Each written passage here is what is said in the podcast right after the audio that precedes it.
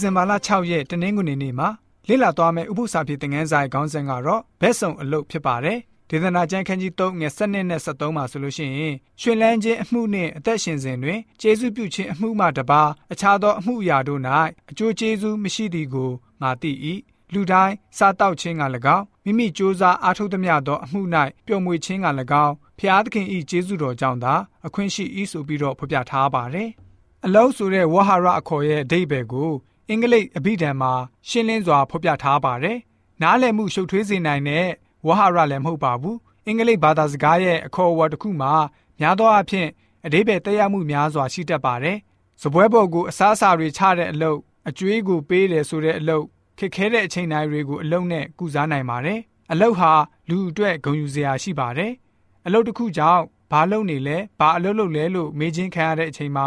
ဖြေစရာအဖြေလေးရှိလာပါတယ်။ပ င်စင်ယူပြီးတဲ့သူတွေဟာ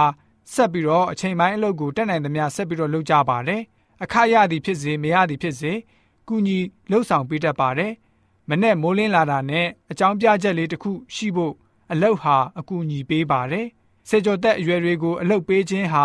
ကလေးသူငယ်ဆိုင်ရာရာဇဝတ်မှုခင်းတွေညှော်နှဲစေပါတယ်။ကပ္ပဦးကျန်းခန်းကြီး3ငယ်19ကိုဖတ်ပါမယ်။တင်ထွက်ရမြေသို့မပြန်မီတိုင်အောင်တင်ဤမျက်နာမှ ချွေးထွက်လျက်အစာကိုစားရမည်အကြောင်းမူကားတင်းသည်မြေမှုန့်ဖြစ်၍မြေမှုန့်သို့ပြန်ရမည်ဟုမိန့်တော်မူ၏ဆိုပြီးတော့ဖော်ပြထားပါတယ်ရုတ်တရက်ကဘာကြီးမကြဆုံးမီကောင်းကြီးမင်္ဂလာဖြစ်စေတဲ့အလုတ်ဟာကဘာကြီးကြဆုံးတာနဲ့တပြိုင်နက်ပင်မန်းခြင်းအဖြစ်ကိုပြောင်းလဲသွားပါတယ်အလုတ်လို့ရခြင်းဟာနေ့စဉ်ညီးငွေပွေရာဖြစ်သွားပြီးတော့အလုတ်လုတ်ရင်းနဲ့ပဲအသက်သေးသွားကြရတာတွေရှိပါတယ်မလုတ်ချင်တဲ့အလုတ်ကိုလုတ်ရတာတွေရှိတယ်ကျမ်းမာရေးကောင်းစဉ်မှာပဲ ပင်စင်ယူချင်တာတို့ပြီးတော့တချို့သူတွေအတွက်မှာအသက်ရှင်ရရေးအတွက်အလွတ်လုပ်ကြရပါတယ်။ရက်တည်နိုင်ဖို့အလွတ်လုံးမှအသက်ရှင်နိုင်တဲ့အထိဖြစ်လာပါတယ်။အလုတ်ဟာလူတဦးရဲ့ဘဝဖြစ်လာရပါတယ်။အလုတ်အကင်နဲ့ဝင်းနေရမယ်ဆိုရင်လူတွေဟာစိတ်ဖိစီးမှုတွေများတယ်။နေမထိထိုင်မသာဖြစ်လာရပါတယ်။ဘာလို့ရမယ်၊ဘာကန်ရမယ်၊ဘယ်သွားရမယ်စသဖြင့်မငြိမ်မသက်ဖြစ်လာပါတော့တယ်။ပင်စင်ယူပြီးတဲ့အခါမှာရုပ်ပါကျသွားပါတယ်။အချိန်မတန်မီတည်ဆုံးကြရပါတယ် ခရိယန်ဖြစ်မယ်ဆိုရင်ဖျားရှင်ရဲ့အလိုတော်လမ်းနဲ့ညီတဲ့အလုပ်ကိုလုပ်နိုင်ဖို့သင်ယူထားရပါမယ်။အလုပ်ဟာ